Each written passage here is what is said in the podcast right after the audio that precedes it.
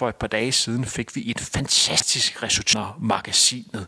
Det er jo ikke nogen hemmelighed, at her for et par dage siden fik vi et fantastisk resultat i Sevilla, hvor løberen, hvis efternavn ingen kan udtale, nemlig Thijs, klarede OL-kravet og løb den næst hurtigste maratontid i historien herhjemme med 2 timer, 10 minutter og 57 sekunder. Det løb og meget andet skal vi snakke om her i den næste stykke tid. Jeg har endnu en gang den store fornøjelse at byde velkommen til Søren Rosenberg. Velkommen til, Søren. Øh, jo, tak for, at jeg må komme igen. Og velkommen til, Mads. Mange tak. Søren, du debuterede jo her for 12 dage siden og var med til din første Frontrunner-episode. Hvordan er det sådan at blive genkendt på gaden? Ja, men det er, det er kæmpe stort. Altså, nu er jeg jo kæmpe celebrity. Kommer ind på alle de fine steder. Så du kan virkelig mærke, at der, der er sket ting og sager, ja, ja, du er kommet med ind her? Min, uh, min Instagram, den stak fuldstændig af. Uh, fik lige 5.000 hen over natten der. Så, så, så, så, så den succes, på de sociale medier, som Bradway oplevede efter, han skiftede til Barcelona. Det har du også Jamen, oplevet efter, at du kom med i frontrunner. Din var større. Ja, det var den. Mads, du har jo været en uge i, i Belgien, øh, som man også kunne se på sociale medier. Hvordan var det at være nede i Belgien, og hvad lavede du dernede? Det var super spændende. Jamen, jeg var nede og besøge, øh, ja, det blev faktisk lige lanceret her den 20. februar, så det er fem dage siden. Det er første, hvad skal man sige, sådan professionelle løbeteam i Danmark, som lige er blevet, eller skulle ikke i Danmark, i Europa sådan set, øhm, hvor jeg besøgte den gruppe, det hed tidligere Olympic Running Team, øhm, som primært består af Belgier, der er også en franskmand og en hollænder. Men det er løber på, ja, det er nok den bedste gruppe overhovedet i Danmark på, på langdistance, man kan finde. Så jeg var dernede og træne med dem og få noget inspiration. Fik du nogle ting med hjem, som du kunne bruge?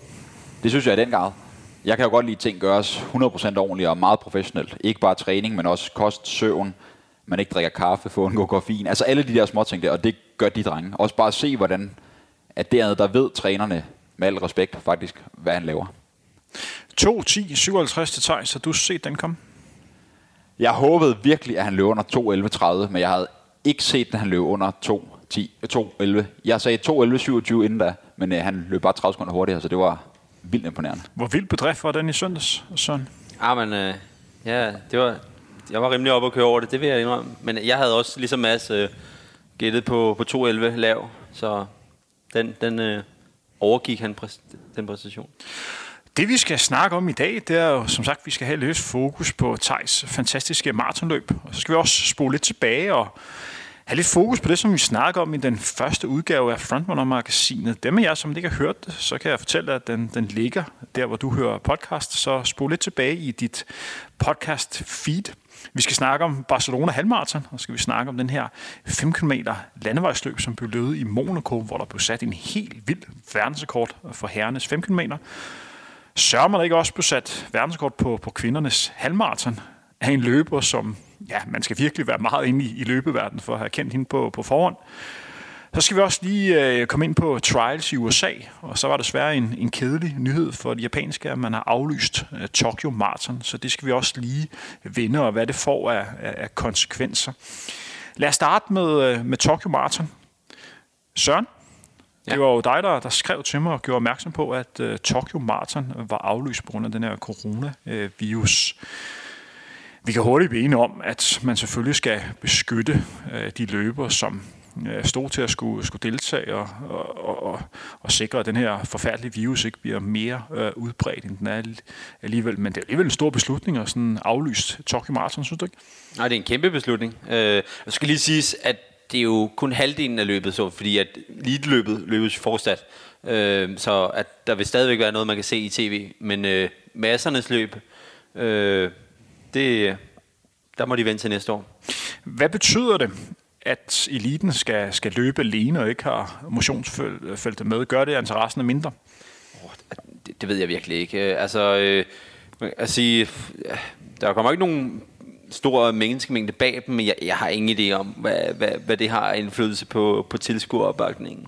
Øh, fordi at, øh, så, så, så meget indsigt har jeg ikke lige i japanske øh, løbemiljø og kultur at vide, hvor mange mennesker står på ruten for at hæppe på eliten, og hvor mange står og hæpper på, på, på nogen, de, der kommer forbi. Mads, hvis du skulle sætte dig ind i hovedet på de eliteløbere, som trods alt stillede sig start til, til Tokyo Marathon, det med, at de lige pludselig bliver fjernet øh, fra øh, motionsdelen og kun skal fokusere på, på dem selv. Jeg er godt klar over, at de bedste maratonløbere ikke kan bruge øh, motionsdelen øh, til en del, men der er stadig forskel på, om der er 50 løbere, der står på startstregen, eller der står 38.000. Tror du, det får indvirkning for arrangementet for dem?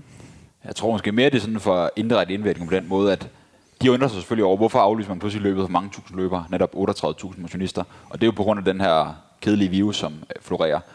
Og så kan man, jeg vil da selv stille nogle spørgsmålet, at øh, hvis det er farligt for den normale motionist, hvorfor lader man så også os eliteløbere løbe? Det er måske mere på den måde, at man egentlig, man skal jo gerne opnå en stor præstation, skal man gerne have så lidt fysisk og mental stress som overhovedet muligt, altså ingen bekymringer. Og hvis man tænker for meget over det, kan det måske godt have indvirkning. Så er der selvfølgelig også det, det stemning, som du siger, sådan direkte på ruten. Det er bare ikke det samme. Det er altså bare sjovere, hvis der står flere tusind mennesker. Selvom de ikke direkte hjælper dig i løbet, så gør det også helt klart, at hvad skal man sige, herre og fru Japan, ikke herre og fru Danmark derude, at deres familie og venner står ude på ruten. Der kommer ikke til at stå lige så mange ude på ruten nu, tror jeg. Hvorfor tror du, man lader i eliten løbe?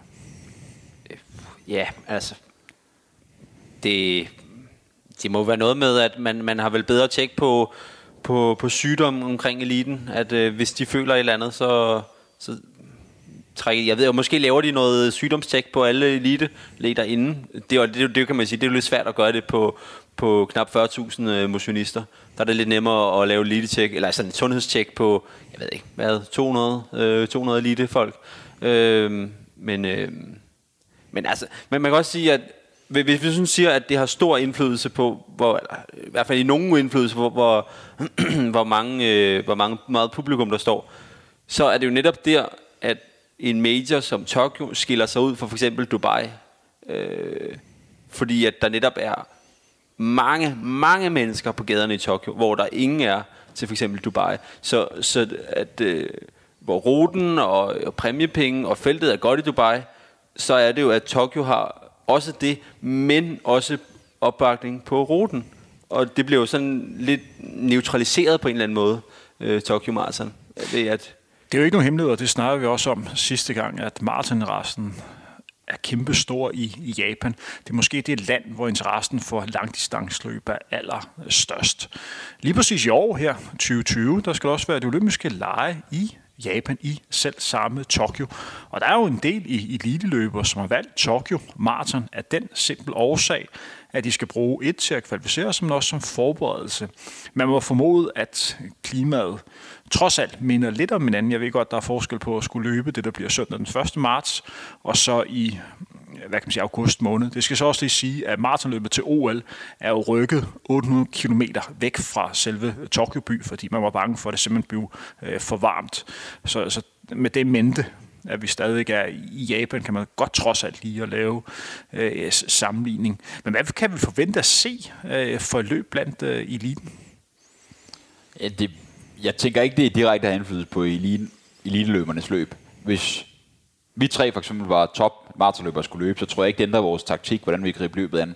Igen, selvfølgelig er der mindre opbakning på ruten, men de har ikke direkte indflydelse motionisterne på, på de gode løbers løb. Så jeg tror stadig ikke, det bliver lige så interessant løb set fra et elitært perspektiv.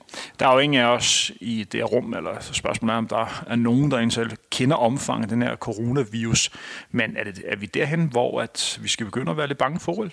Øh, altså, øh, inden øh, at aflysningen af Tokyo Marathon, der tænker jeg, der gjorde jeg mig ikke rigtig sådan det store, øh, hvad skal man sige, spørgsmålstegn omkring, øh, om der var noget risiko for det, men øh, jeg, har, jeg har sat mig kigget en lille smule på det, og at øh, der er nogen, der mener, at, øh, at det her, det er altså, øh, det er kun første stadie af, hvad, at det vil udvikle sig øh, meget, øh, meget alvorligt i løbet af de kommende måneder. Så altså, jeg må indrømme, jeg, jeg er begyndt at blive en lille smule rolig for, for Tokyo.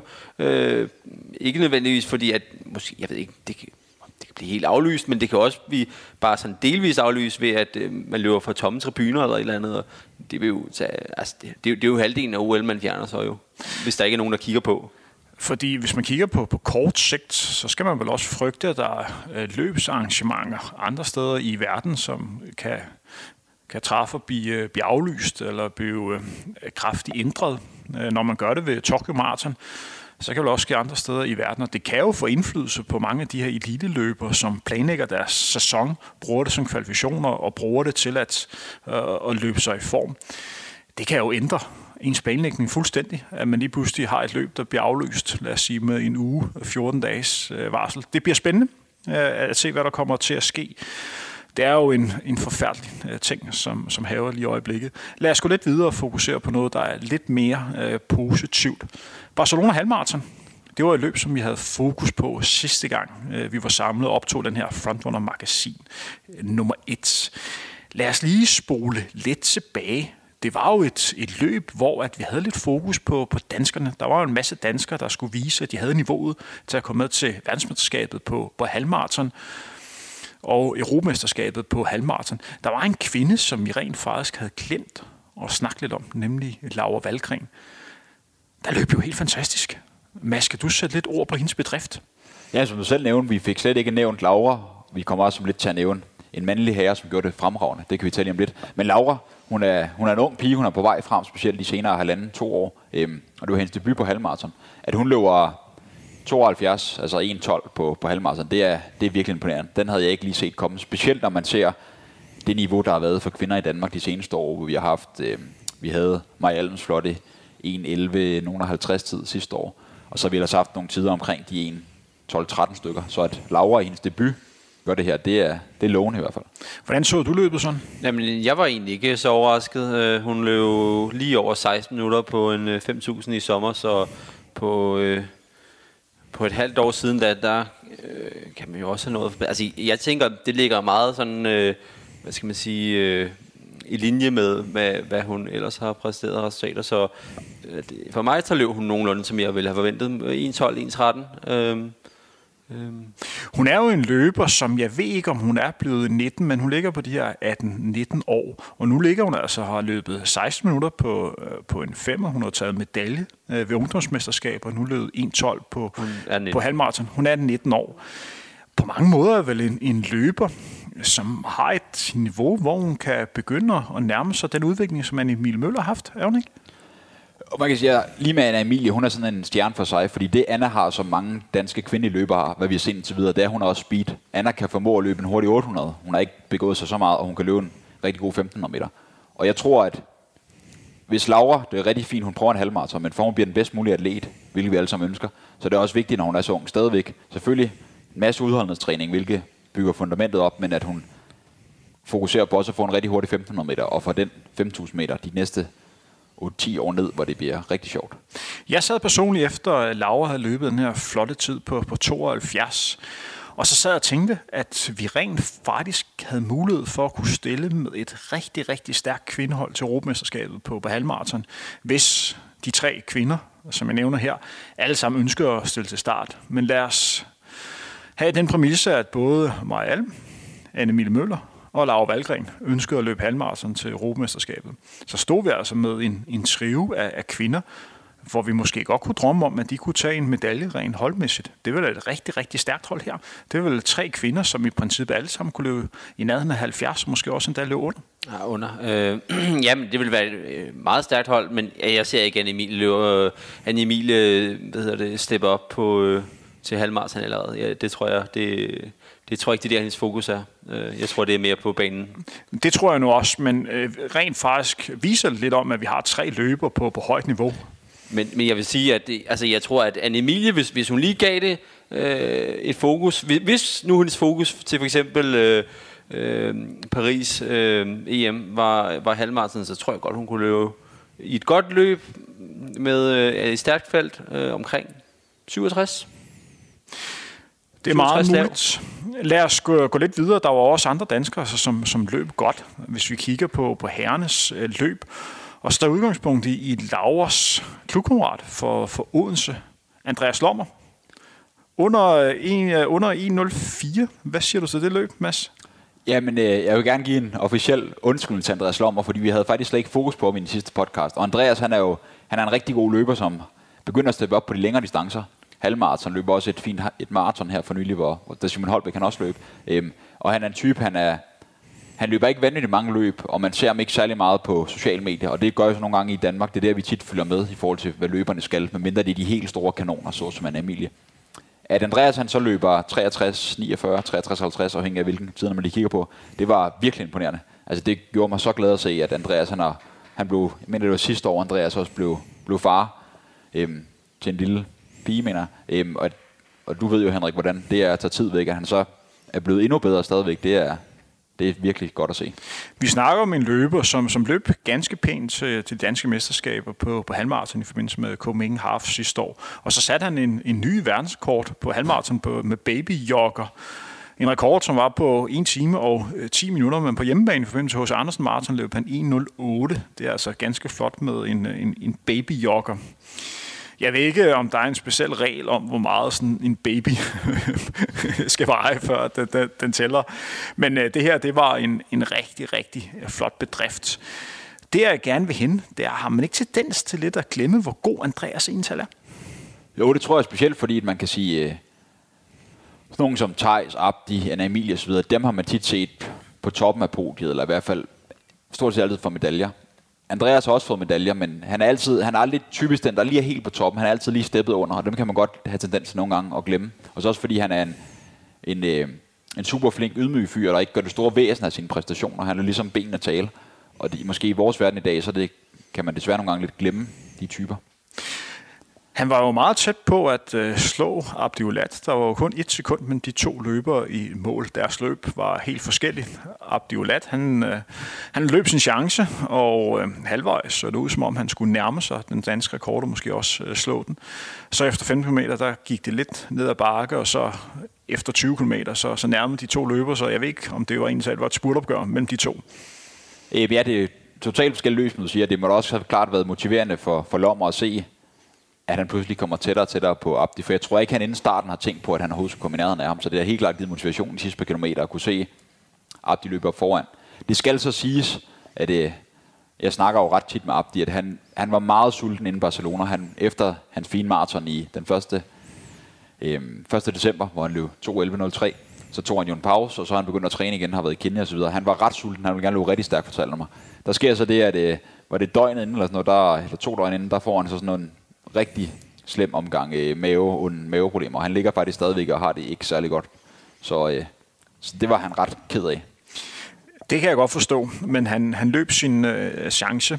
Skal man være bekymret for Abdulat i forbindelse med verdensmesterskab halvmarathon, der bliver afviklet i øh, marts måned? Nej, man skal ikke være bekymret, men han skal da også... For jeg håber det bedst for, at han snart bedst for ham i forhold til, at han snart kan komme tilbage i god træning, fordi der er lige pludselig ikke lang tid til. Nu har vi den 25. februar, dags dato her. Søren, kan du øh, sætte nogle ord på Andreas Slommers tid?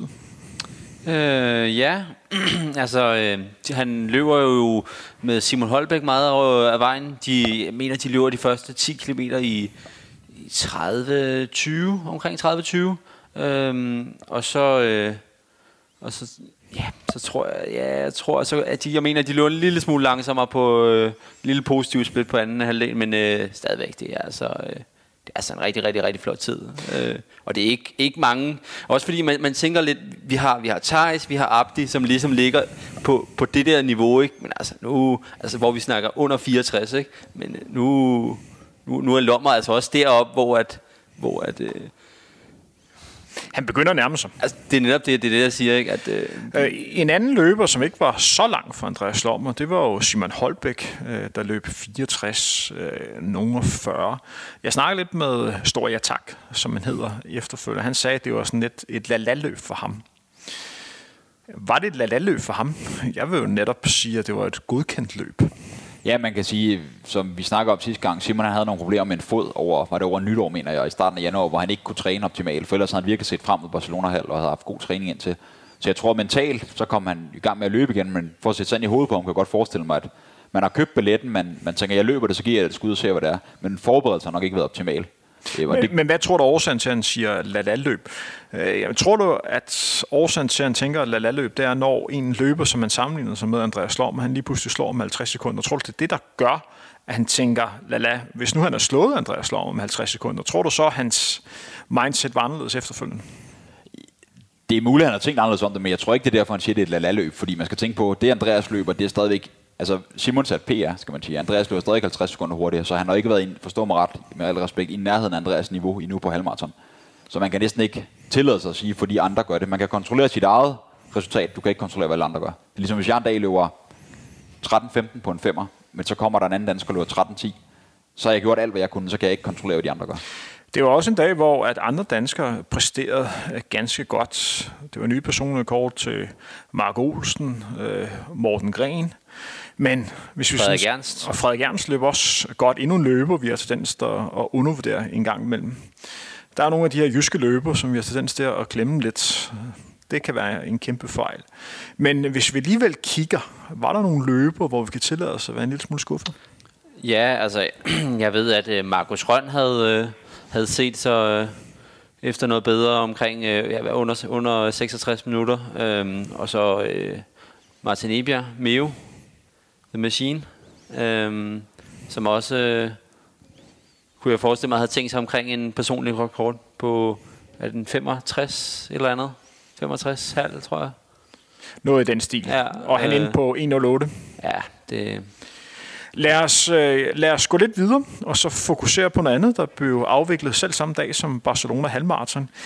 Nærmere bestemt Monaco, hvor der blev øh, øh, løbet 5 km landevej. Et løb, der bliver afviklet sådan, at man løber 2,5 km ud, og så vender man om, og så løber man 2,5 km tilbage. Hvor det går opad i starten, så går det så nedad øh, mod afslutningen. Det var et løb, hvor vi var foran i det her forum, og rimelig sikker på, at der blev sat en verdenskort. Verdenskort inden løbet var på 13 minutter og 17 sekunder, 17 sekunder som Ronex Kipruto satte på hans første 5 km, da han satte verdenskort på den dobbelte distance. Så vi var rimelig sikre på, at der ville blive sat verdenskort. Men rekorden alligevel kom til at hedde 12.51 efterfølgende Joshua Cheptegei efter et løb, hvor han løber den solo hele vejen igennem. Min første reaktion, da jeg så det resultat, det var, kan det her virkelig lade sig gøre? Det her, det var ufattelig stærkt løbet. Hvad var din første reaktion på det, Mads? Jeg er meget enig, det er meget, meget hurtigt. Det er faktisk ret sjældent bare på banen, du ser tider på omkring 12.51. Vi skal i perspektiv, så er en, efterhånden en nogle år gammel rekord for Kenanisa Bekele. Den hedder 12.37 på banen, og generelt er banen hurtigere. Så ligesom dig, Henrik, at han da tager den fra spids på en februardag, ja, midt om vinteren. Jeg ved godt, der var varmt i Monaco, men i forhold til sæsonplanlægning og løber så stærkt, det var det er helt vildt. Og verdens bedste tidligere, skal det siges, fordi man har ændret reglerne, som vi snakker om sidste gang, den hed 12.59. At han stadig lige bare 8 sekunder af det, det er, det er virkelig det er flot. Er det en løber, hvor man begynder nu at tænke, Kenneth Bekeles rekord, som ingen har været i nærheden af, stort står siden han, han satte den, og den satte han, jeg mener det var i 2004 eller 2005. Kan Joshua Cheptegei være manden, der kan, der kan slå den? Det tror jeg bestemt. Øh, Salomon Brega, han blev 12.43 for, var det 2018 i... Øh, 2018 i Bruxelles, ja. Ja. et løb, hvor at øh, Kashelce, han gik frem efter omkring 3 km, så trækker han den hjem ind til 150 meter, hvor Barrega gik, øh, gik frem og, og, og spurtede. Øh, men det var primært på grund af Kashelce, at de fik øh, de flotte tider. så så udover den, så er der virkelig ikke nogen, der har været tæt på. Og det skal også siges, at det her løb, øh, det, altså det er jo ikke, det er jo ikke nogen racerbane nede i Monaco. Der er en, en, en pæn bakke, øh, sådan efter en kilometers tid, ja, måske lidt før faktisk. Og han løber den helt alene. Der er ikke rigtig nogen konkurrenter. De falder hurtigt fra. Øh, der er ikke noget pace eller noget, som der er to motorcykler foran ham. Øh, altså, jeg må sige, at når man så, så den rute og, og, og de manglende konkurrenter i, i, i betragtning af, og så siger 12.51, så er det en meget, meget, meget, meget, meget stærk præcision. Joshua Cheptegei har jo store forventninger her til 2020. Selvfølgelig har han fokus på, på OL. Men rygterne går på, at han debuterer på halvmarathon i forbindelse med verdensmesterskabet øh, på halvmarathon i, i Polen, hvor vi også har et, nogle danske løbere, øh, som skal løbe ved den lejlighed. Det er vel en løber, som kan blive verdensmester på, på halvmarathon. Det er det absolut. Han er helt klart øh, en af favoritterne til guldet, om ikke andet i hvert fald top 3. Øhm, Joshua, han har ikke løbet halvmarathon mere før, som du siger, men han har verdensrekorden på 15 km landvej, som er en rute i Holland, hvor der er sådan syv ikoniske bakker undervejs, som, øh, det vil sige, det er ikke verdens hurtigste rute. Han har også gjort sig rigtig godt på 10.000 meter. Han blev verdensmester tidligere i år, eller undskyld sidste år, i marts måned, på en dejlig dag i Aarhus. Øhm, på 10 km cross, som jo også er et meget godt udgangspunkt i forhold til at sige, at man også kan begås på længere distancer. Så jeg tror helt klart, at han, øh, hvis han kan være med hele vejen, hvilket jeg tror, han kan, så er han hurtigere end de andre drenge til sidst. Hvis vi går ind og kigger på kongerækken af de her store mandlige verdensstjerneløber på, på de lange distancer, der er jo Paul Tergat, Haile Gebrselassie, Kenneth Bekele, Mo Farah. Er den næste i rækken, og det er Joseph Cheptegei? Ja, det synes jeg bestemt. Jeg synes faktisk, han er allerede i det selskab der. Øh, og så det, det tror jeg bestemt, og jeg tror, at hvis nogen skal slå øh, Bikeles rekord af løber, som vi kender til nu, jamen så, så er det, så er det Cheptegei. Udover den her tid, så fik vi jo også en, en ny europæisk rekord, øh, hvor en, en franskmand, en ung franskmand, som jeg, kan du lige huske hans navn, Mads? Jimmy Cressier. Jimmy ja. Cressier, som har vundet øh, Europamesterskabet i cross, hvad det to eller tre gange i den her U23-klasse. Og han satte altså ny, tre gange, han satte ny europæisk rekord med øh, 13 minutter og 17 sekunder, mener det var på ja, den her 5 km. Eller så var det 18, ja, meget ja. tæt på, på det. Så det var også en, en vild øh, bedrift. Men er løbetiderne ikke ved at være så gode, at vi skal begynde at være lidt bekymrede for, om det kun skyldes nogle bestemte sko? Er vi ikke derude, hvor det næsten er for godt til at være sandt? Jeg tror stadig primært, at skoene giver et boom i tiderne, og derfor er det så svært at sammenligne de tider, der bliver sat med andre tider. Jeg, jeg generelt er jeg sådan, indtil andet er bevis, eller noget, der er ekstremt meget tyder på det, så tror jeg, at, at folk er rene nok. Øhm, det er mere de folk, som kommer ind, som måske skal vi sige, du har løbet 14-10 på en 5 på banen sidste år, og så går du ned i Monaco og løber 13-25. Det, det synes jeg virker sådan lidt suspekt. Søren, øh, hvad synes du? Skal vi bare tage klaphatten på, og så bare anerkende, at der bliver løbet stærkere end nogensinde før? Øhm, det, det, det, det er en svær diskussion, ikke? fordi man kan argumentere for både for og imod, og jeg synes, der er så mange variabler, som, som er svært at, at ligesom veje op mod hinanden. Øh, jeg, jeg er svært ved at svare på det spørgsmål, fordi at, ja, der, der er så mange ubekendte faktorer i det her, som hvor meget sko, hvad, hvordan med, hvor meget er det doping, er der, der er simpelthen så... Men lad os sige, at der var en dopingproblem i øjeblikket. Der er jo løbere, der engang bliver, bliver taget af doping. Også blandt de, de bedste. Med al den fokus, der er på sko lige i øjeblikket, vil det ikke være en meget godt tidspunkt at snyde med den slags, fordi alt fokus er rettet mod skoene. Jo, 100 procent, som vi også kort tog sidste gang. Det er klart, når der er så stor fokus på skoene, så kan det måske være det, medierne er fokus på. Omvendt så skal man jo ikke glemme, at der bliver stadig testet en masse, og heldigvis for det. Så hvis man bliver knaldet, så kommer det også ud alle steder. Og så er man ligesom ja, i mine øjne, så skulle man bandlyses for evigt, men så får man i hvert fald to års hvad hedder det, udelukkelse fra sporten. Men lad os stole på, at antidopingmyndighederne gør deres arbejde, og dem, der, der snyder, får deres straf.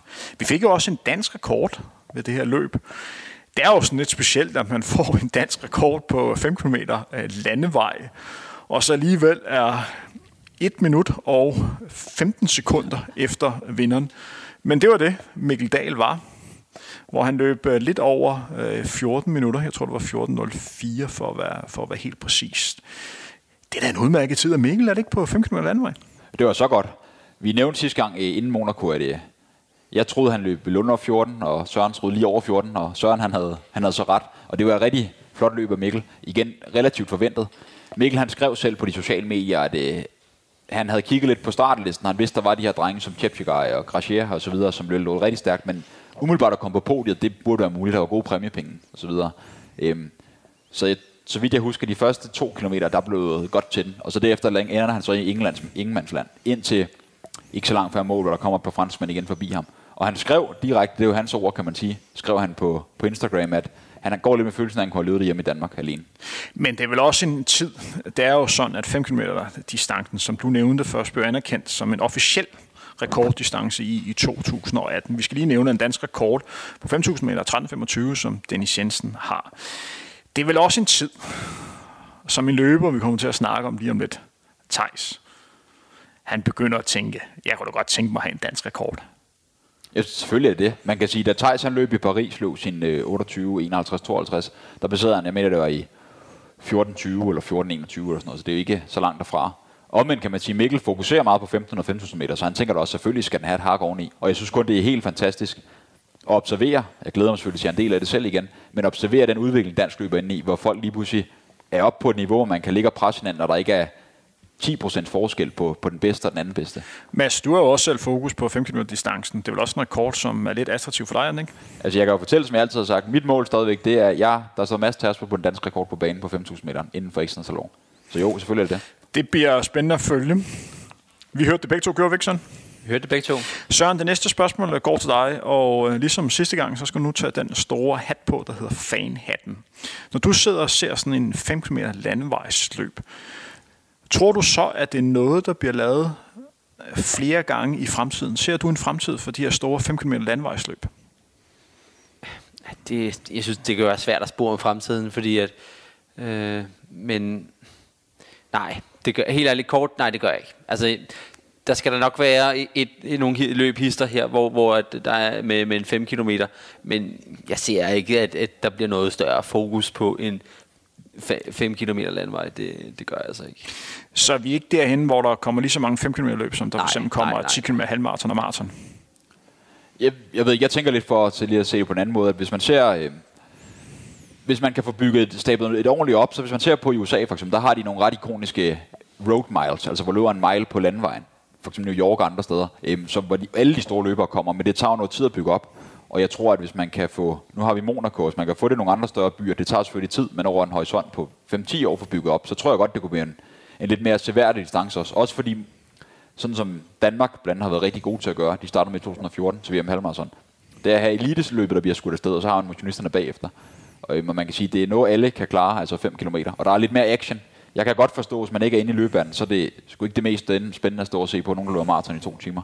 Men 5 km, der kan man altid lige stå et kvarters tid. Men tror du ikke, at det er nødvendigt for, at det bliver sådan en rigtig stor begivenhed, at du har den her folkelige masse med? Kan man ikke argumentere for, at der ikke er lige så stor prestige i at løbe 5 km, som der er for eksempel at løbe en halvmarathon en maraton? Er det ikke fornemt? Det kan man desværre sige, men det er jo sådan noget, vi blandt andet i podcasten og igennem løbebanen kan være med til at forklare folk, for det er jo fordi, de ikke ved, at det faktisk kan være endnu hårdere end 5 km maraton. Fordi et maraton, er med al respekt, alle kan skulle gennemføre et maraton. Det kan min gamle mormor også. Det er bare tiden om det. Det er langt flottere at løbe, skal vi sige, en, en 5 km på under 14, der er at løbe et maraton på 2.30. Lad os øh, gå lidt videre til en anden løber, der satte en, en flot verdensrekord. Det er utroligt, at vi i den her tid her bare får den ene verdensrekord efter den anden, men det er jo ikke mange dage siden, at vi fik en ny verdensrekord på kvindernes halvmarathon. Det store halvmarathon, der blev afviklet i de emiratiske emirater. Øh, ja, i Ras Al Ram, eller er der sådan noget. Ja. Et eller andet den det, det, stil. de forkorter altid RAK, eller RAK.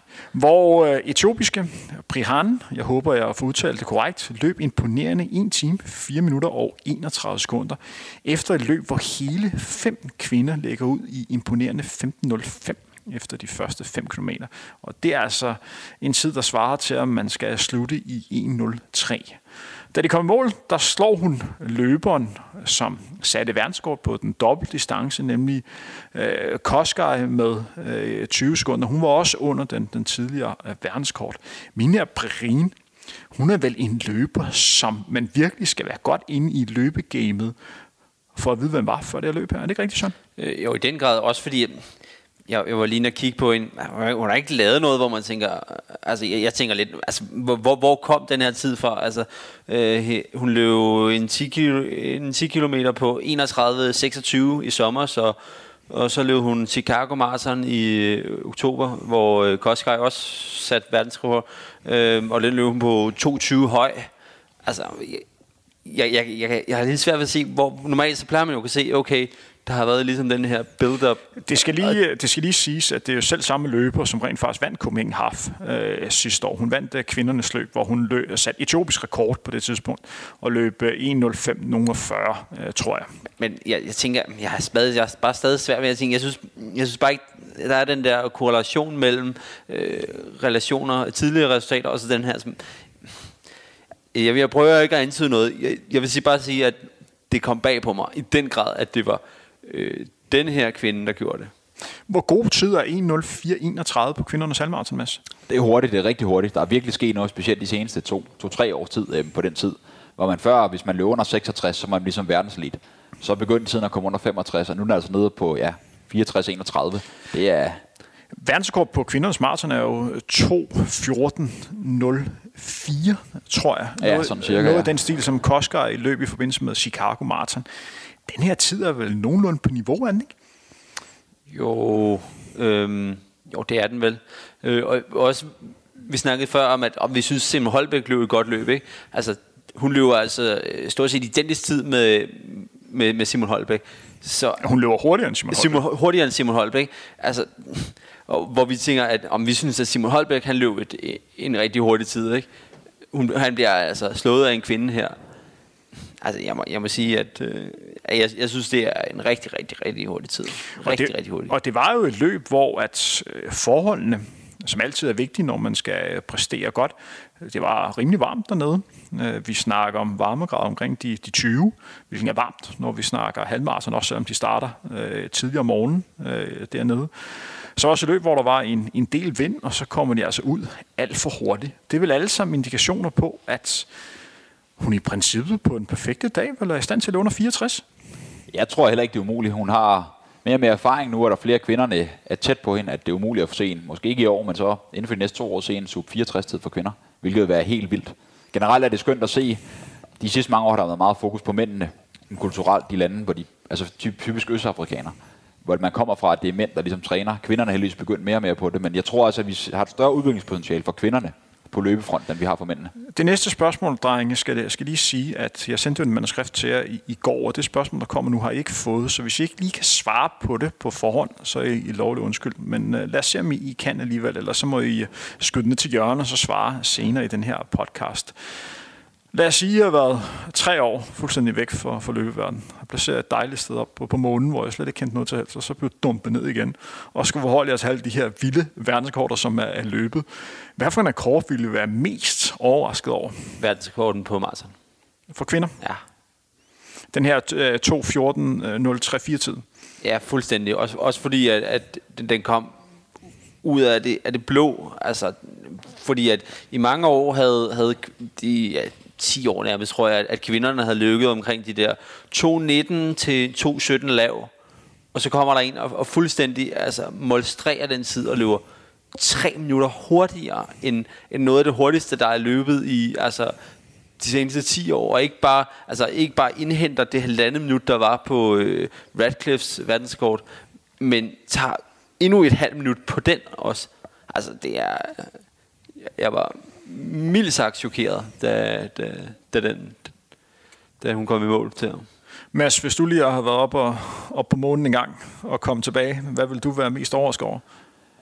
Det er lidt kedeligt at sige det samme, som jeg er meget enig, men så vil jeg sige den, og så er jeg også nødt til at nævne kvindernes verdensrekord på 15 km landvej. Den synes jeg var helt vanvittig. Jeg synes ikke, den har fået nok opmærksomhed i forhold til, hvor hurtigt det er for kvinder at løbe så stærkt, som der blev løbet. Det var faktisk samme sted som uh, Cheptegei, Joshua Cheptegei satte verdensrekord for, for mændene. Den her Seven Hills Run, som jeg blandt andet selv har har løbet i Holland, Ja. øh, som det ligger lidt i navnet, så går det en del opad. Det går så også lidt ned, men øh, ja, det burde ikke kunne lade sig gøre at løbe hurtigt, men jeg har selv løbet stærkt dernede efter øh, mine forhold, og øh, ja, min tid blev slået af kvinden. Jeg mener, det var 44-21 eller sådan noget, en etiopisk Ja, løber, som, ja, hvad fik hun bronze eller sådan noget til, til verdensmesterskabet på, på 10.000 meter, så, så det, var en, øh, det var en vild bedrift. Så vi er enige om, at der, hvor de mest overraskende resultater har været, det har været inden for kvindernes langdistance. Ja, 100 procent. Hvad med det med, at der er en løber, der er under to timer på maraton? Det er vel ikke i samme kategori?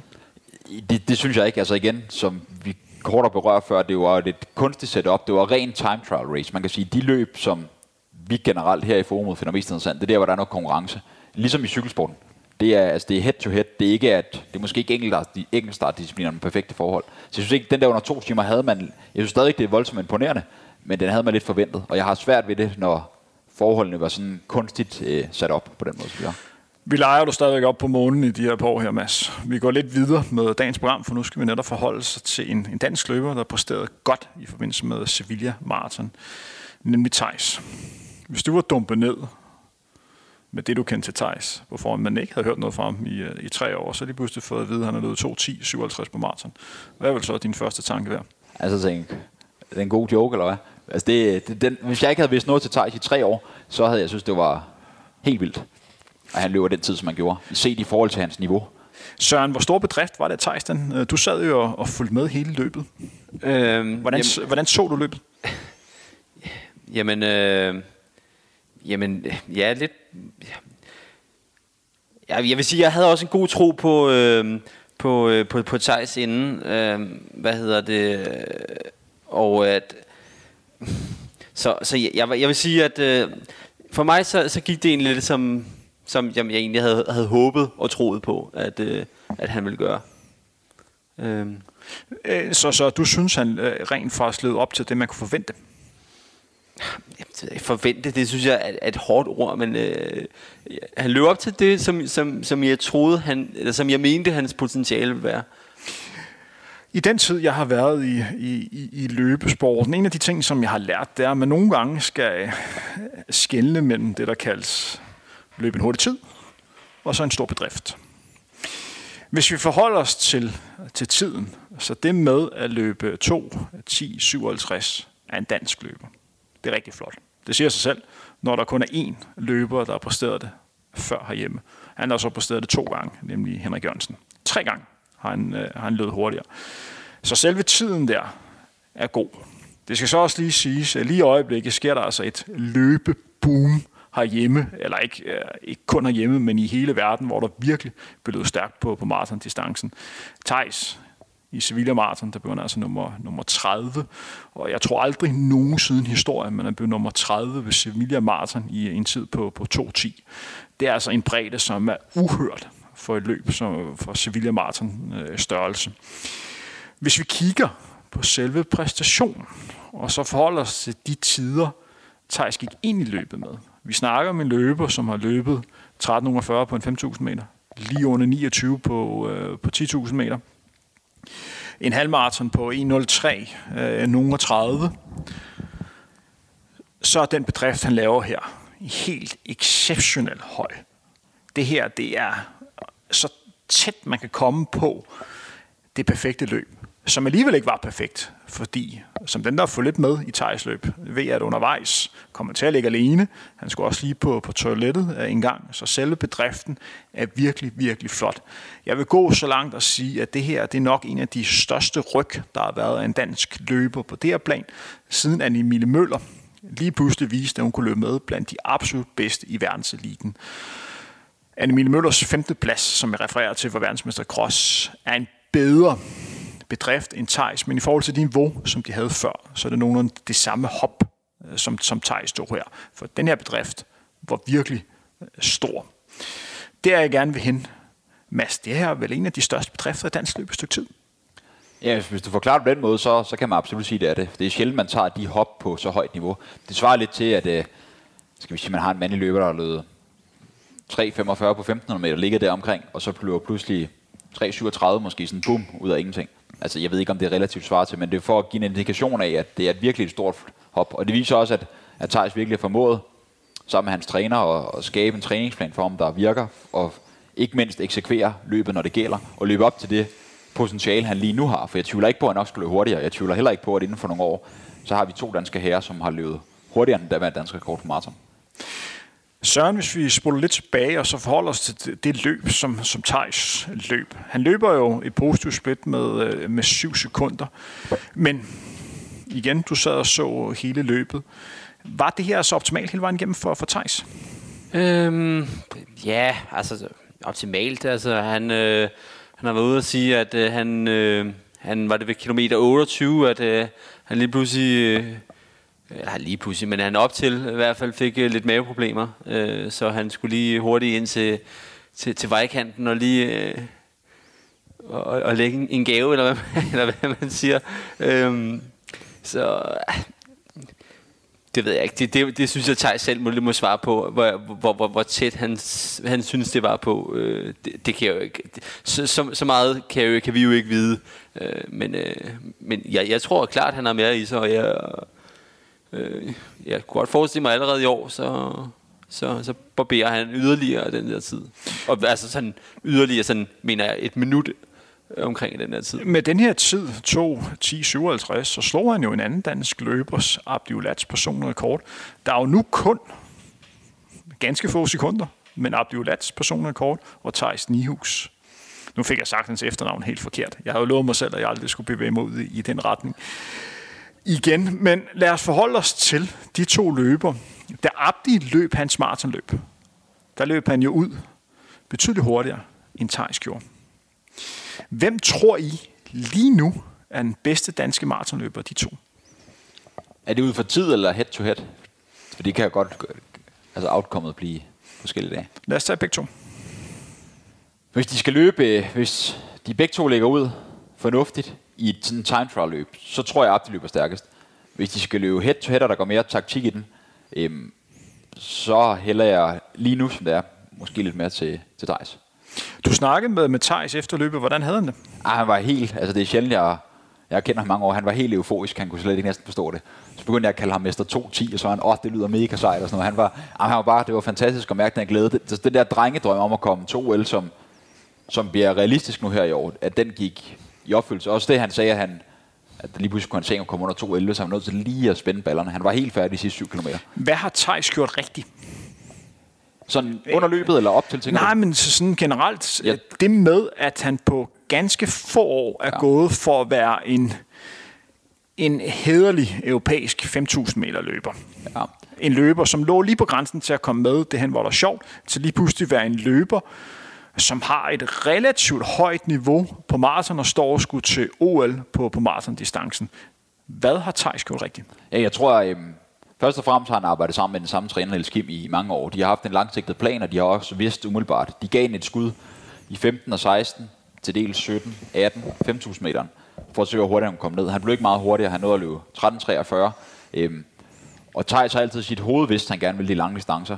Jeg husker selv Thijs fra starten af, han elskede de lange ture, han elskede lange tempoture, han har altid løbet stor mængde. Så jeg tror, hvis man ser langsigtet over det, så er de formået at bygge det rigtigt op. De har fokuseret på de korte distancer for at holde hastigheden ved lige, og så er de samtidig løbet, eller Thijs har løbet stor volumen. Øhm, og så har de formået virkelig også at træffe de rigtige valg i forhold til at vælge de rigtige løb på det rette tidspunkt af året, og finde løb, hvor vejret statistisk set er godt, pace er godt. Øhm, så, så gennemgående kunne jeg ikke se, hvad de ellers lige nu kunne gøre anderledes. Hvis du får det samme spørgsmål, Søren. Øhm, jamen, øhm, jeg tror, at den største forskel er, at jamen, at Thijs så simpelthen har fået bygget en kontinuitet ind i hans træning.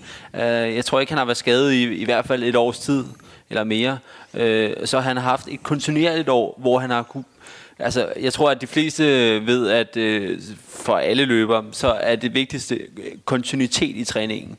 Øh, og og det, det tror jeg simpelthen, at, at det, hvor, hvor, hvor, hvor han har kæmpet lidt med nogle skader og sådan noget. Hvor, hvor, så han, har, han har hele tiden, så, har- hvor han, så har han kommet op på et niveau, og så har han haft det setback. Så har han fået, og så, så jeg tror, at, at, at øh, det simpelthen er, er, at den kontinuitet, han har fået i træningen, der, der simpelthen giver resultater nu. Fordi jeg, jeg, jeg tror, at havde han ikke været skadet, jamen, så havde han jo også slået, så havde han også sat dansk kort nu på, på 5.000. Det, er, det tror jeg. Fordi der er en, en løber. Øh, man plejer nogle gange at snakke om, at man skulle have 10 års hård øh, elitetræning, for at man nærmer sig sit, sit topniveau. Og det er jo sådan, når man snakker progression. Jeg skal lige gøre lidt reklame for en udsendelse, jeg lavede sammen med øh, eliteløb og læge, øh, Thomas Elers, som er på trapperne. Jeg har valgt lige at udskyde den på dage, for jeg kan lige have den her ud, hvor vi snakker om træningsmængde kontra øh, niveau. Men der snakker vi også om, hvordan man skal lave sådan en fornuftig progression, når man bygger øh, løber op. Det er jo sådan, at når man starter med at løbe, og man har fundet ud af, at man har, sådan, har, har talent, og man, man gerne vil løbe, og har tid til det, så starter man sådan typisk på sådan 50 50-60 km. Hvis man sådan kan, kan klare den mængde, så bygger man jo sådan lidt på. Så bygger man de her 10-15 procent. Så året efter, så ligger man løber 70-80 km, måske også lidt over. Og- Og igen, hvis man kommer igennem uden skader, så bygger man igen endnu mere på. Og på et eller andet tidspunkt med årene, så rammer man det niveau, som Thijs har været på i et par år. Der, hvor det nogle gange går galt for, for løber, det er, at man går for 50-60 km, så lige pludselig spoler den op til 160, fordi det er der ikke nogen, der kan, kan holde til. Så vil langt de fleste opleve, at de går i stykker, eller at de ikke får udbytte af den her øh, mængde. Fordi Thijs er vel også en løber, som virkelig arbejder for det, er det ikke? Jo, uden tvivl, han har arbejdet for det i mange år. Han har altid kontinuerligt trænet meget og trænet rigtig godt. Øhm, og det er en akkumuleret mængde fysisk, mentalt af træning. Det er klart, nu, nu ser man frugterne af det. Hvis man ser øh, på, på nogle af de toppen af poppen i verden af løbere, så ser man også typisk, generelt har de haft sådan en meget langsigtet plan. De måske som 17-18 år startede med, det er altså om, når du er 30, vi skal topkammerat, har deres træner sagt. Og så kan man jo netop putte alle de her små ting på, fordi tit er problemet også, hvis man kun ser det over et år, så kan du ikke nå at putte alle de elementer ind, der skal til for at blive god. Du kan ikke, det handler om at udvikle alle kvaliteter optimalt i forhold til hinanden. Og det har, som det er lige nu i hvert fald, har de fundet en fin opskrift på. Mads, en løber, som vi, vi snakkede om, øh, ja, da vi snakker om øh, Barcelona øh, halvmarathon, nemlig Abdiulat. En løber, som du også øh, kender rigtig godt. En af dine gode kammerater, I har vokset op sammen, og du har lavet en, en rigtig god udsendelse øh, øh, med ham. Det er jo en løber nu her, som også har kvalificeret sig øh, til, til OL. Hvordan tror du, hans reaktion var, da hans personrekord lige pludselig blev slået af Thijs? Ja, jeg kunne forestille mig, at den så to del. Positiv side, så er han helt sagt glad for, at de nu er to danske løbere, og vi ser, at det går fremad i dansk løb, og det giver da også yderligere motivation til ikke at, hvad skal man sige, at hvile på laverbærene, fordi Abdi havde vant til i mange år, at han, han 100% var den bedste på lange distancer. Altså han var ikke bare den bedste sådan lige med 10-20 sekunder, han var den bedste med flere minutter på, på halvmarathon op, og nu har vi altså pludselig en, som er efterhånden på, eller er på samme niveau, sådan set i forhold til, til tiderne. På den anden side, så tror jeg, det er svært, fordi hvis jeg var, var den, der havde den hurtigste tid, løb er jo egoistisk, sådan er det jo, det er jo ærligt på elite-niveau. Der handler det ikke om, hvad de andre gør. Det handler her nu om, hvad du, hvad du selv kan. Så det er kun positivt, de andre også gør det godt. Men hvis pludselig ens tid bliver, bliver slået, og man ser, at også fordi jeg tror, at Abdi han føler, og det, at han er bedre end det, han har vist indtil nu. Det er jo meget interessant at sidde og kigge på deres mellemtider undervejs, for der er faktisk et tidspunkt, Søren, hvor de ligger fuldstændig ens i tiderne, er der ikke? Øh, jo, jeg kan ikke huske, om det er ved, er det ved 30 eller 35, at, øh, at de har ens sider. Øh, nu har jeg ikke lige Abdes tider ved siden af mig, men... Øh. Efter, efter to løb, der blev løbet øh, vidt forskelligt. Mads, jeg bliver nødt til lige at spørge lidt mere ind til det, for jeg synes faktisk, det er, det er interessant i forhold til den her sådan, rivalisering. Thijs og Abdis forhold, tror du, de ser sig som øh, løbebodies eller løberivaler? Jeg tror, at det, er jo det, der er lidt sjovt ved sådan en elitesport. Når man står på startstregen, så er man rivaler 100%. Der handler det om at, jeg siger det som jeg selv vil sige, det ser den anden over. Altså det er det, det handler om. Det handler om at komme først over den streg. Men udover det, når man ikke er på startstregen, så tror jeg kun, at de kan glæde, altså have gavn af hinanden, at der pludselig, at niveauet rykker rykket sig sådan. Både finansiel support, at der kommer mere øh, støtte forhåbentlig fra forskellige kilder i forhold til, at nu skal vi ikke kun snakke om 80-løberne mere, hvilket man har gjort i, i mange år efterhånden. Nu er det så 10-løberne eller 20-løberne, man skal snakke om. Søren, vi har to danske løbere, der er meget tæt på Henrik Jørgensens legendariske danske rekord, som vi for få år siden troede, at det ville tage et stykke tid, før vi kom ned. Hvem får først den danske rekord af de to løber, som jeg snakker om, eller den helt tredje, der kommer at spille? Det, det gør Abdi. Kommer det til at ske i år? Jamen, øh, jeg, jeg, jeg kommer med en... Øh, jeg, jeg siger ja. Og jeg tror, de begge to gør det. Hvad siger du, Mads? I og med, at jeg antager, at de ikke har flere maratonløb før OL, som så ikke sjovt nok bliver i Tokyo, men et stykke derfra, som er mere en taktisk affære. Nu kender jeg ikke rigtig vejrforholdene derhen på det tidspunkt af året. Så tror jeg ikke, der kommer dansk rekord derhen. Så tror jeg mere, det er i 2021. Lidt det næste, vi skal have fokus på, lidt det samme, som vi har haft fokus på hele dagen. Det er nemlig det her løbeboom, at der simpelthen bare bliver løbet så ekstremt hurtigt. Tyson bliver altså nummer 30 øh, ved Sevilla Marathon. Der er altså nogle løbere, der slår om, som sætter nogle fuldstændig absurde nye personrekorder. Blandt andet har vi en, en svensk løber, øh, Mustafa Mohammed. Vi snakker altså om en løber, øh, som jeg mener, han bliver 42 her inden for de næste par dage. Det er en løber, som da jeg startede med og dukke op som ungdomsløber, der lå han og konkurrerede med Dennis Jensen om at skulle blive nordisk mesterskab i cross. Han er løber, der har vist højt niveau i fire årtier. 90'erne, 0'erne, 10'erne og 20'erne. Og nu har han altså sat svensk rekord efter et par år, hvor han har været øh, lidt væk. Og jeg kan bare blive ved. Der bliver også sat spansk rekord, og der bliver nogle britter, der løber stærkt, og nogle irer, der løber stærkt. Det samme spørgsmål. er det her bare den her stadig den her sko, eller skal vi være bekymret? Altså, jeg, jeg tror 100% på, at alt er gjort på rette vis, men jeg tror, at, at, at det her boom af sko gør noget, fordi jeg havde absolut ikke set Mustafa Mohammed. Vi begge to kender ham, ved, om han er. Han, det virker som om de, sen, de seneste 3-4-5 år, eller måske nu mere, så han, han er stadig løbet, men han har slet ikke taget lige så seriøst professionelt. Han er sådan, for at bruge Simon Holbæks ord, lallet lidt rundt. Sådan, at han så pludselig ikke bare sætter stor personrekord, kommer ned, hvor det begynder at ligne noget europæisk rigtig sjovt, og sætter svensk rekord. Det synes jeg er helt vildt, og jeg kan ikke lige...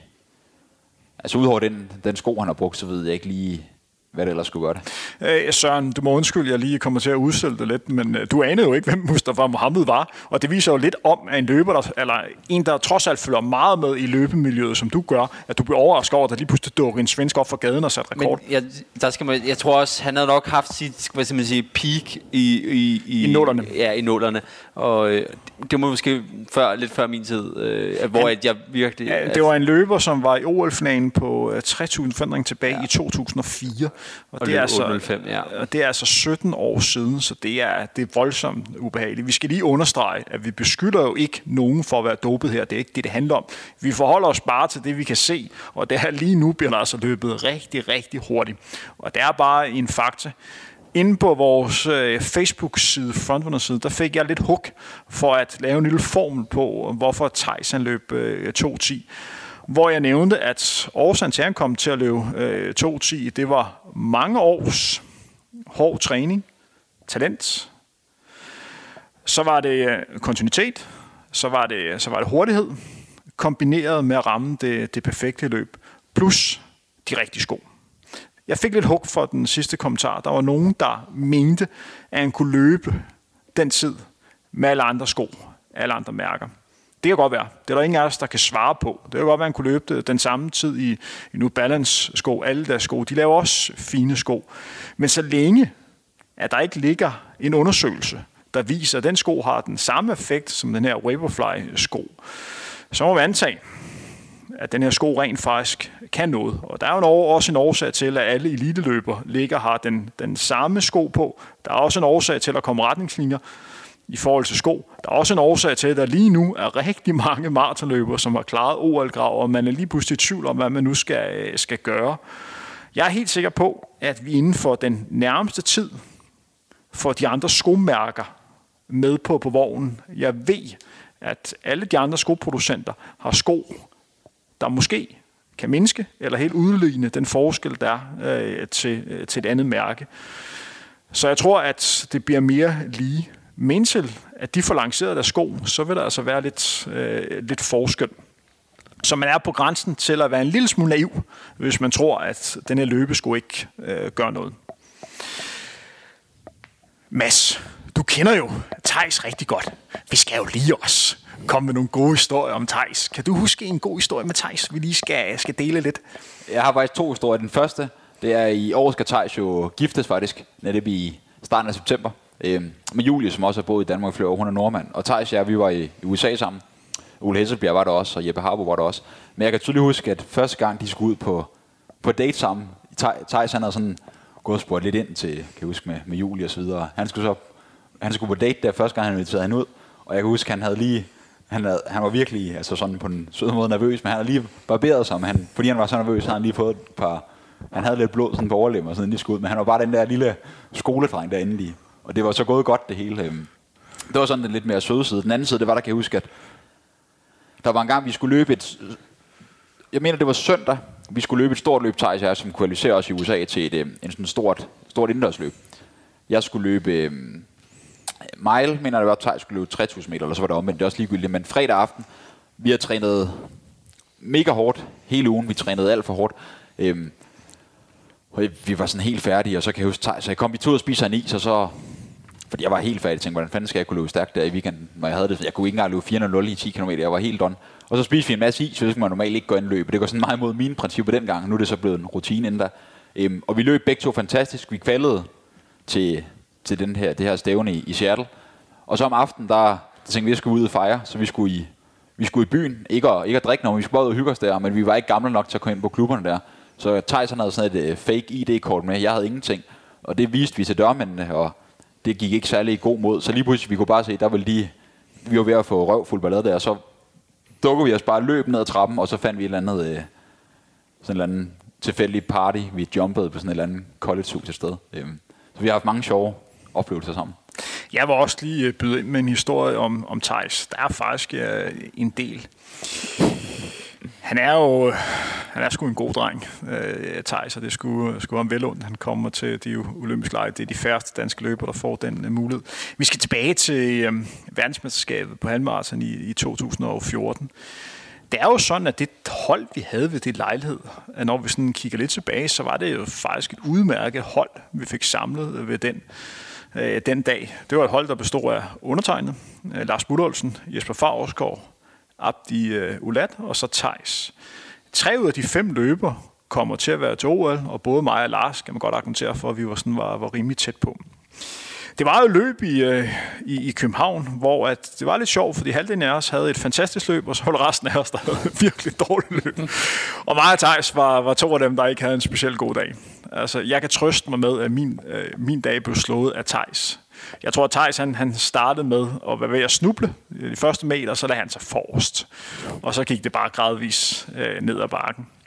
Om aftenen, hvor vi skulle til afterparty på, øh, på øh, først var det Frederiksberg Rådhus. Øh, der fik jeg, fik jeg snakket lidt med Tej, så vi fik også lidt at, at ligge og drikke sammen, og var enige om, at nu skulle vi altså klemme dagens øh, skuffelser. skuffelse. Så tog vi videre på The Jane, hvor vi havde et diskotek inde i København, hvor vi havde nogle af de andre eliteløbere med.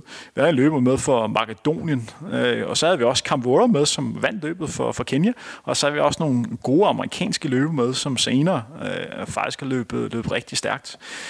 Thijs, lad os sige det sådan, han endte med at, at være i rigtig, rigtig godt humør. Han var godt kørende den her dag. Og så øh, skal vi sådan videre. Thijs han er forsvundet sammen med, sammen med nogle andre. Jeg har sådan sørget for, at vi har fået, øh, fået bord inde på et andet øh, diskotek, der ligger lige nærheden af det Jane. Jeg går så hen og skal prøve at komme ind, og Thijs er som sagt gået, gået i forvejen, og jeg melder så ind i øh, køen til, til dørmanden, at øh, ja, mit navn er Henrik Thiem, jeg har et, jeg har et bord. Så får jeg så at vide, at Henrik Thiem, han er kommet. Og så spørger jeg, det kan ikke passe. Prøv at se, jeg er Henrik Thiem. Ja, men øh, Henrik Thiem er derinde. Nej, det, det, det er simpelthen en joke. Så må jeg, øh, må jeg betale for at komme ind. De andre, som jeg har lovet gratis indgang, må også betale. Kommer vi ind. Og så ser vi en stangvisen, Thijs. Undskyld Thijs, men det var Arlo. Han står der. Ej, Tim, vi kunne ikke lige komme ind, så vi sagde bare, at vi hed Henrik Tim, og så, så blev det løst. Selv samme aften, der, øh, ja, det, var, det var hårdt at være, være Thijs der.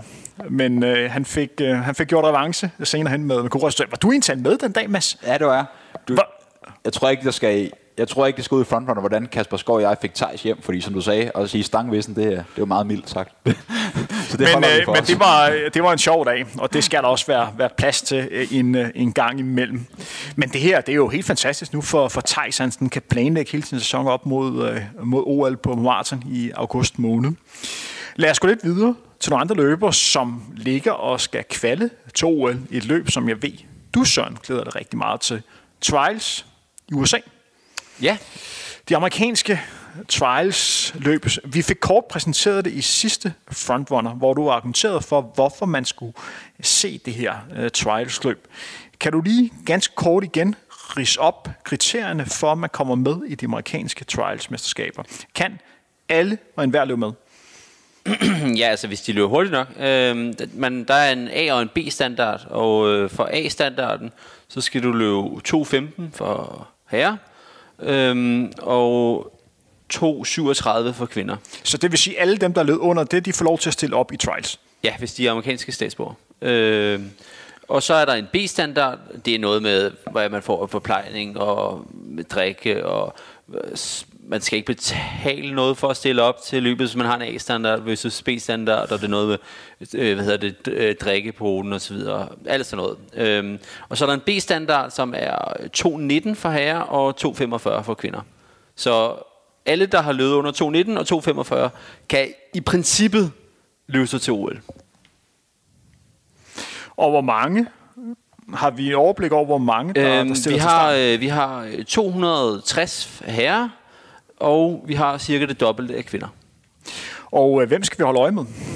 Altså, øh, det er jo selvfølgelig svært at nævne alle sammen, men er der alligevel nogen, som ah, det er, mener du. er, man trods alt skal have mere altså, opmærksomhed? Der er jo en løber som Gain Rob, som vi ved, der stiller til start. For, altså, vi, øh, skal vi, vi, kan, øh, vi kan starte med kvinderne. Øh, der er øh, 16 kvinder, som har klaret det internationale krav. Du skal lige være med, at øh, bare man kommer i top 3 på det her løb, så er man med, fordi at, så har man øh, hvad hedder det, klaret OL-kravet. Øh, fordi det, det er nok bare at komme i top 3 her. Så man behøver ikke at klare en tid øh, fordi løbet, øh, feltet er så stærkt, så man ender selv som et øh, goal løb. Øhm, så man skal bare komme i top 3. Men der er 16 øh, amerikanske kvinder, der har klaret øh, OL-kravet. Øh, og hvad hedder det? Af dem, der er der 8, der har løbet 2.26 eller bedre. Øhm, og, altså, øh, og man kan sige, at jeg ser det som et, det, det er et relativt lige felt, vil jeg sige. Altså, det, jeg synes, det er svært at sige, at der er den der entydige favorit, som for eksempel er hos øh, herrene. Altså, øh, Sarah Hall, øh, gift med øh, amerikansk rekordholder på halvmarathon Ryan Hall, stor øh, Så er på muskelbund nu her? Han er et kæmpe muskelbund. Altså, øh, jeg, jeg, jeg, tror faktisk ikke engang, han kunne slå Sara. Det må jeg sige, øh, konen. Tror du det? Det tror jeg ikke, han kan. Nej. Han er 20 kilo tungere nu. Det er jo øh, en løber, der har en personrekord på 204, er det ikke? 58 år. Ja, i Boston. Men igen, sådan punkt til punkt løb, skal det siges. Men ja. jo. Og øh, 59 på, på halvmarathon. Og, og det var vel og vel før, at man begynder at have øh, sådan en trampolin i skoene. Det er netop, som du siger, det er en mand, som var virkelig, virkelig god. Dengang var han ligesom, lidt ligesom Sondre Moen, han gør så nu blandt afrikanerne på de lange distancer, så var Ryan dengang manden, der gjorde det til OL til VM. Han har ikke bare den, eller bare siger jeg, sub 205 tid. Han har også flere gange løbet rigtig hurtige tider. Langt under 210, 206, 207 på legale ruter. 206 i London, han lød. Nå, men øh, hans kone, Sarah Hall, hun er nok, jeg vil sige, jeg vil hun måske kalde hende en, den, jeg mest sandsynligt ser som øh, af, af kvinderne, der, øh, der, der, der løber top 3. Hun har løbet 2.22 sidste år i Berlin. Så øh, lige bagefter hende har vi øh, Emily Sisson, øh, 2.23 i London. Øh, Molly Huddle øh, har mest gjort sig på banen, 10.000 meter. Så er der Desiree Linden, som øh, vandt Boston i 2018. Øh, også var med sidste OL. Øh, og så er der øh, Jordan Hassay. Men øh, hun har ja, hun er, jeg, jeg, kan fornemme, jeg synes lidt, hun, hun har været lidt skadet op til, hun trak sig for, øh, for Boston efter 5 km, nej, Boston, øh, Chicago Marathon i, i efteråret. Og der skal vi lige nævne, det er en løber, der har løbet så, sub 22. Ja, lige over 22. Lige over 22. Og en løber, som man har haft rigtig store forventninger til det amerikanske. En løber, som blev trænet af Alberto Salazar, og som sagt, som du nævnte, stillede hun op til Chicago Marathon, hvor hun var med 5 km og lå til at løbe lige en tid omkring 3 timer, og så, så trak hun så et totalt antiklimaks løb på alle leder og kanter. Hvis vi går videre til, til herrene, hvem skal vi holde øje med der? Øhm, jamen altså, vi har en, altså, vi kan sige, at der er øh, 12 herrer, der har klaret øh, øh OL-kravet på 2.11.30. Bare lige så vi er med på, øh, at... Øh, og øh, feltet ser ikke lige så, hvad skal man sige, jævnt ud, som det gør hos kvinderne, hvor, hvor det kvinderne siger, uh, det er svært lige at sige. Her, hvor kvinderne, der har vi sådan en gruppe, det bliver iblandt dem her, hvor herrerne, der er det sådan lidt mere, så har vi favorit i Rob, så har vi en øh, Leonard Courier, som øh, debuterede på maraton øh, i Amsterdam, øh, løb 207, øh, som, ja, som man nok må regne bagefter, øh, lige efter Rob, øh, og så... Øh, så har vi sådan, og så derefter, så er der lidt et spring ned til de næste, øh, på, hvor vi har øh, Jared Ward, der øh, var med til sidste OL, blev sekser, Øh, en af mine store helte, vil jeg sige. Øh. Og øh, hvis vi lige skal fremhæve ham, det er jo en løber, som altid præsterer. En øh, Saucony-mand, som øh, blev bedste amerikanske løber ved et stort halvmaratonløb i, øh, I januar. Houston, ja. I Houston, ja. ja. Hvor han løb 1.02 i et løb, hvor der var 11, 1.01, hvor der var 11 amerikanere, der løb øh, under 1.02. Men, øh. men den rute, skal lige sige, den var, var det 290 meter for kort eller sådan noget? Nej, det var en anden en. Det var en anden, ja, den, den var, var det drop på ruten, ikke også? Øh, den var ikke Nej, jeg mener faktisk, at den er godkendt nok, øh, men øh, det, det var en anden en, der var for kort. Okay, øh, men ja, jeg havde, ja. der var rigtig nok, der var en, der var for kort, men det var ikke Houston. Okay, ja. En løber, som vi også skal have, have lidt fokus på. Jeg vil lige sige, at Jared Ward, han er altså, øh, han, han, han arbejder altså også som matematikprofessor ved siden af. Det er altså meget, meget sjældent, man ser at løber på, på det her niveau. Altså, vi snakker ikke bare elite nu, vi snakker top, top elite niveau. Arbejde ved siden af. Han arbejder som matematikprofessor. Det er altså meget imponerende. Og det er interessant, det du siger med matematikprofessor. Han har lavet en stor afhandling netop at se på pace-strategier for eliteløbere. Og den typisk, for eksempel 2L, hvor andre de ligger typisk lidt hovedløst ud på maraton nogle gange, han ved også, han holder for eksempel, skal vi sige, 302, 303 på kilometer, så skal han nok til sidst begå sig for måske være på en 40. plads til at komme op blandt top 10. Og en ting, vi lige også kan bemærke i forbindelse med det olympiske lege, hvor han blev nummer 6. Øh, de tre første løbere, der stillede til start, de har alle sammen en protomodel på af den her Vaporfly-sko, som efterfølgende videnskabeligvis har haft en effekt.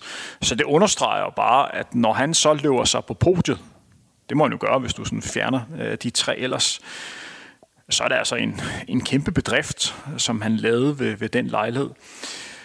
En anden løber, som der også stiller til start, det er jo Bernard Lagat, øh, hedderkronet løbelegende. Da jeg startede frontrunner op, der havde jeg jo sådan på jagt efter, hvem der sådan var løbesportens svar på hedderkronet fodboldspiller øh, Pirlo. Årsagen til det, det var, at på det tidspunkt samarbejdede med Mediano, og øh, den studie, hvor vi sad og optog i, det kaldes Pirlos hule. Så derfor skulle vi selvfølgelig også finde ud af, hvem der var Pirlos øh, ligesidende for, for løbeverden. Der kom der forskellige bud, men efter jeg mødt Bernard Lagat i forbindelse med Breaking 2 i, øh, i Milano, så var jeg slet ikke i tvivl om, at det her, det var løbesportens svar på Pirlo.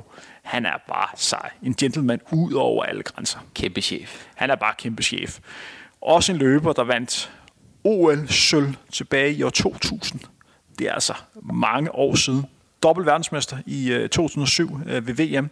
Og en løber, der bare har et ekstremt højt niveau og løber som en gazelle. Han er været nu blevet? 45? 45. 45. Kan han kvalificere sig til jeg vil, jeg vil, jeg vil, jeg vil, man skal aldrig udelukke uh, Lagarde. Altså, han er så stor en chef.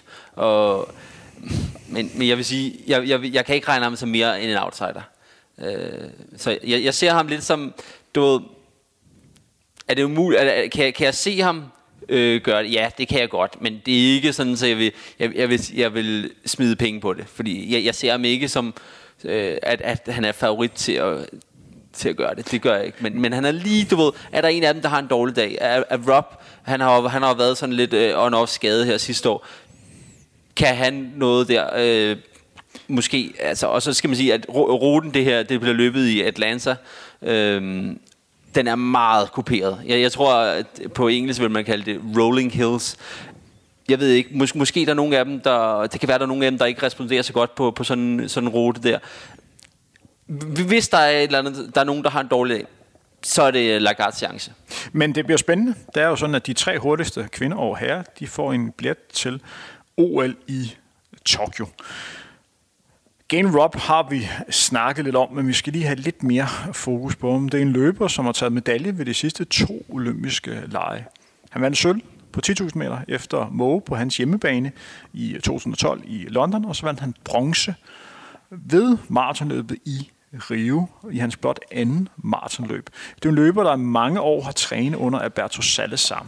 Sidste år var der jo meget omtale om Alberto Salazar, som er blevet udelukket i et, et par år, og slet ikke må arbejde med øh, nogle atleter og være inden for atletikken. Han er simpelthen blevet bandlyst. Det gjorde så også, at Galen skulle finde sig en ny træner, og har fundet sig en amerikansk universitetstræner, som også oplevede gode resultater. Hvor meget tror du, det har påvirket Galen? Jeg tænker umiddelbart, at alt det røre, der var specielt sidste år, der kommer mere og mere ud lige for tiden faktisk, også med Mo Farah og det ene og det andet, og ting, han ikke har sagt, han skulle have sagt. Og, men sidste år specielt, tror jeg, som elitløber, når man skal præstere, så er det bare ikke rart, at baglånet ikke er i orden. Og man skal også tænke på Gain Rob. Lidt modsat Mo Farah, så Gain Rob, han øh, spillede fodbold i high school. Og historien går på, at øh, de løb nogle 200 meter intervaller. Uh, jeg tror faktisk, det var 10 gange 200 meter klassisk pas. Og ham her, øh, fodboldtræneren, han, han ringede så til Salazar. De arbejdede begge to på Oregon University. Og, um, og sagde, at jeg har altså ham her, knægten her, som jeg tror, han kan løbe rigtig stærkt. Han ligger altså løber de her intervaller på 29-30 sekunder. Det er unormalt for en fodboldspiller, samtidig med, at han er udholdenhed. Ret hurtigt så kom han i dialog med Salazar, Gail Rob og familien. Og fra der, så havde de bare sådan et meget, øh, hvad skal man sige, langsigtet fokus om at bygge netop det, vi nævnte før, bygge alle kvaliteterne helt op. Så han har ikke bare haft Salazar som træner, det har næsten været hans anden far. De har været tæt om alt. Og det er helt klart, når der pludselig er det her røre omkring det hele, og vi kender måske ikke engang sandheden nu, så det er klart, det påvirker ham. At han sådan der skal finde en ny træner i og med Salazar, og hans samarbejde har fungeret så godt, det er der uden tvivl øh, haft en indflydelse. Men Gene Rob virker også som, han er en, igen apropos løber, han lader resultaterne tale. Han har, jeg tror ikke, han har nogen sociale profiler, han bruger på nogen som helst måde, altså online. Jeg kan egentlig meget godt lide det. Han lever lidt den der munketilværelse. 100% fokuseret på det, han nogle gange kan kontrollere. Han er far til, til fire døtre og har en kone, samtidig med, at han er en af verdens bedste løbere. Han fandt så, han har selv udtalt, han fandt Mike Schmidt, ham her college-træneren, som, som hvad hedder det, øhm, de er gået ind i et samarbejde. Øhm, han er baseret i, i Flagstaff, Mike Schmidt, hvorimod Galen han stadig bor i Portland i Oregon. Øhm, og han sagde netop, at han lidt ikke efter en træner, som 100% vil gøre det samme, som Salas har gjort træningsmæssigt. Han vil gerne have en, som gav ham noget modstand, altså i forhold til, at vi gør sådan, i stedet for at gøre sådan, fordi han sagde, at det værste for ham, det vil være at finde en, der 100% kørte den samme træning. Så jeg tror, det kan blive interessant, hvordan han udvikler sig. Han fik jo en operation og halvanden år siden i sin fod for Harklunds deformitet, som er sådan en forstørret hælknogle. Så jeg tror 100% at det, for at komme tilbage, at jeg tror, at Galen han også kom 2L, og jeg tror altså også på Lagarde, fordi han er for vild. Og han stillede jo også op til Chicago Marathon, hvor man undervejs kunne, kunne se, at han lå og dannede trop med hans tidligere træningskamp, Mo Farah. Løberen, som vi snakker om før, som han delte podium med i, i Rio, og også ligger og træne en del år sammen med i, i USA. Det man sådan lidt regnede med, det var, at de skulle ligge og kæmpe om sejren, men de lå så og kæmpede om at komme under 2.10 på, på den lejlighed. Det er også en løber, hvis vi lidt har fokus igen på de her sko, som vi efterhånden har snakket om. En af de ting, den her øh, Vaporfly-sko gør, det er jo, det med til at øge dit bagspark. Og hvis du får øget dit bagspark, så øh, får man også en lidt længere skridtlængde. Fordi at når benene kommer længere op bag til, så rører det også lidt længere ud foran. Ligesom som pendul. Men i forhold til Galen Robs løbestil, der er meget sådan gazelleagtig. Han har jo ekstremt høj bagspark i forvejen. Der er vel ikke rigtig en fordel for ham at have sådan en sko på. Det bliver jo nærmest sådan lidt for fjederne. Ah, Jamen, jeg tror stadigvæk, at det, selv sådan en type som jeg, som har højt bagspark. Nu prøvede jeg faktisk i sidste uge for nylig og fik lavet laktatmålinger henholdsvis Mayweather Fly i andre løb, og der er selv på mig, som har der er bare forskel. Altså den 100 procent, den, den giver Men det tager alligevel tid at skulle ændre den her meget fjederne øh, løbestil, især når man får øh, lidt, lidt sådan en sko, og så gør det mere maratonagtigt, hvor man skal mere fokus på at løbe lidt mere økonomisk. Det er lidt den samme udvikling, som Kenny Bekele har været under, der også har meget øh, ekstremt høj bagspark. Så er der vel noget, han skal have fokus på. Jo, helt enig, men som vi ved begge to, han har arbejdet med Nike i mange, mange år, og jeg tror, at de gør jo kun det bedste for deres leder. Så de har jo netop, de havde prototyper helt tilbage i i hvert fald 2016, måske endda inden da, snakker man om. Så det er helt, de har testet alt af på galen, tror jeg, og på de drenge på det niveau. Og så skal man ikke huske på, at Waverfly, en ting er, at den øger løbeøkonomien. Det den også gør, det er, at den jo er med til at, at mindske stødene lidt, så det muskulære stress bliver formindsket. Specielt på maraton, hvor du er i gang i lige en smule over to timer, der er det ret relevant. På et halvmaraton kan man argumentere frem og tilbage, men på et maraton, der er det lige så meget det der med, at man kan mindske stresset en smule, det muskulære stress. Det vil også gøre, at systemet bliver mindre træt. Og det er jo også et løb, de amerikanske trials, hvor vi får set de nye modeller for de andre mærker. Saucony har deres, øh, deres model øh, på vej. Aldas har måske den også på vej. Øh, så er der Brooks, har også der, så måske over Nike også deres nye model, der skal, der skal overtage. Så det bliver jo spændende at se, om den forskel øh, bliver udlignet øh, lidt, om vi helt skal stoppe og snakke om det her sko. Det håber jeg lidt, at øh, vi nu kan have fokus på, hvem der rent faktisk kan, kan løbe stærkt. Søren, når, øh, når du kigger på, på Galen, er det en løber, du bliver fascineret af? Ja, altså, øh, altså Galen har jo løbet... Øh, noget af det hurtigste på, på 10.000 meter, som er altså, ikke afrikansk løber. Han har løbet 26-44, tror jeg da. At det er helt exceptionelt hurtigt. Øh, og har så også formået at transformere det til maraton. Altså, øh, jeg, jeg kan godt lide Galen. Så er der det der med, med, med Salazar og så videre, og alt det, der man har hørt. Men altså, jeg, jeg har det lidt sådan, at jamen, hvis, hvis han ikke er blevet, hvad skal man sige, dømt for noget, så, så er han uskyldig for mig egentlig. Så, så jeg kan godt lide Galen, og jeg håber, han gør, kommer til OL. Fordi jeg tror, at han er en af de der, der kan udfordre øh, afrikanerne til en Han er en farlig løber med i ja, mesterskabsløb, ja. fordi han er hurtig til sidst. Hvis han er kørende, så kan det blive rigtig godt for Galen til OL. Drenge, vi har været godt igennem. Søren, du sidder og peger der nogle ting, som ja, men altså, jeg, vil, jeg vil bare lige sige, at jeg, jeg bliver, altså, jeg håber, jeg, jeg håber også lidt, som jeg, jeg, jeg, tror, jeg tror lidt med Lagarde, jeg, jeg tror lidt, han er, altså han er, han er udfordret for mig, men jeg håber også, han gør det jo. Altså det gør jeg. Det, han, prøv, han er manden, det vil, han har været til OL to gange for Kenya, og det vil så være hans fjerde gang for, øh, for, for USA. Og det har alle sammen været på 1.500-5.000. Hvis han også, ikke noget med, at han gør det som 45-årig, øh, og en sjette gang, men hvis han også gør det på maraton, det vil være, altså, i, altså, så vil han for mig være en af de mest, hvad skal man sige, øh, hvad skal man sige, versatile, altså en øh, alsidige løbere, ja, der nogensinde har været jo. Vi snakkede lidt før om, da vi havde fokus på Mustafa Mohammed, om han har været fremme i fire forskellige årtier. Det er det jo også det samme for Bernard Lagat, og hans niveau endda har været endnu bedre, for han var jo rigtig god i 90'erne. Der var Mustafa Mohammed sådan lige på vej frem. Han var en kæmpe chef i nullerne, og i 10'erne var han også god, der vandt han jo verdensmesterskaber. Og nu her, der kan han jo stå og komme til endnu et OL. Så, så det, er, det er virkelig en chef. Der er også, men der er også en sidste løber, som jeg lige vil nødt til at nævne. Fordi han er lidt, du ved, the odd one out. Uh, han er, det er en ultraløber, der også er med til, til trials.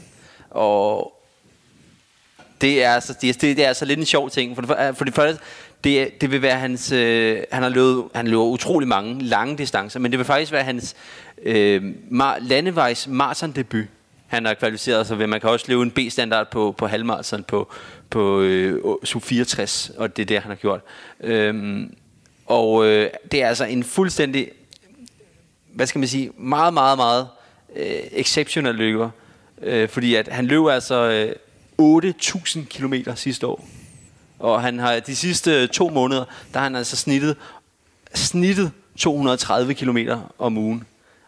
Altså det er en... Jeg, jeg, jeg siger ikke, han, han, jeg, jeg siger ikke, at han, at han kommer med til OL, men jeg, jeg, jeg må sige, jeg synes, han skal nævnes, fordi at det, jeg, jeg vil godt give ham sådan måske 5% chance, fordi at jeg, jeg tror, altså, han mener selv, at han er i 2-10 form.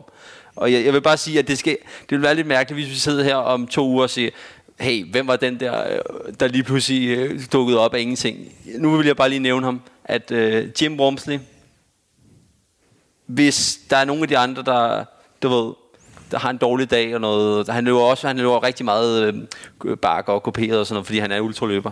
Han vandt øh, VM i bjergløb i december. Øh, så det er en rute, der passer til ham. Og hvis, hvis han har en god dag, jeg vil godt give ham 5% chance. Så den danske peanut butter minister? Det, ja, det er måske meget godt. Ja, Bare lidt eller mere... den, den amerikanske peanut butter minister, ja, ja. må vi hellere, hellere sige. Drenge, vi er kommet godt rundt. Jeg vil gerne sige, uh, sige tak til dig, Søren Rosenberg, fordi du, har tak, eller fordi du har lyst til at være med. Også tak til dig, Mads uh, Tersbøl.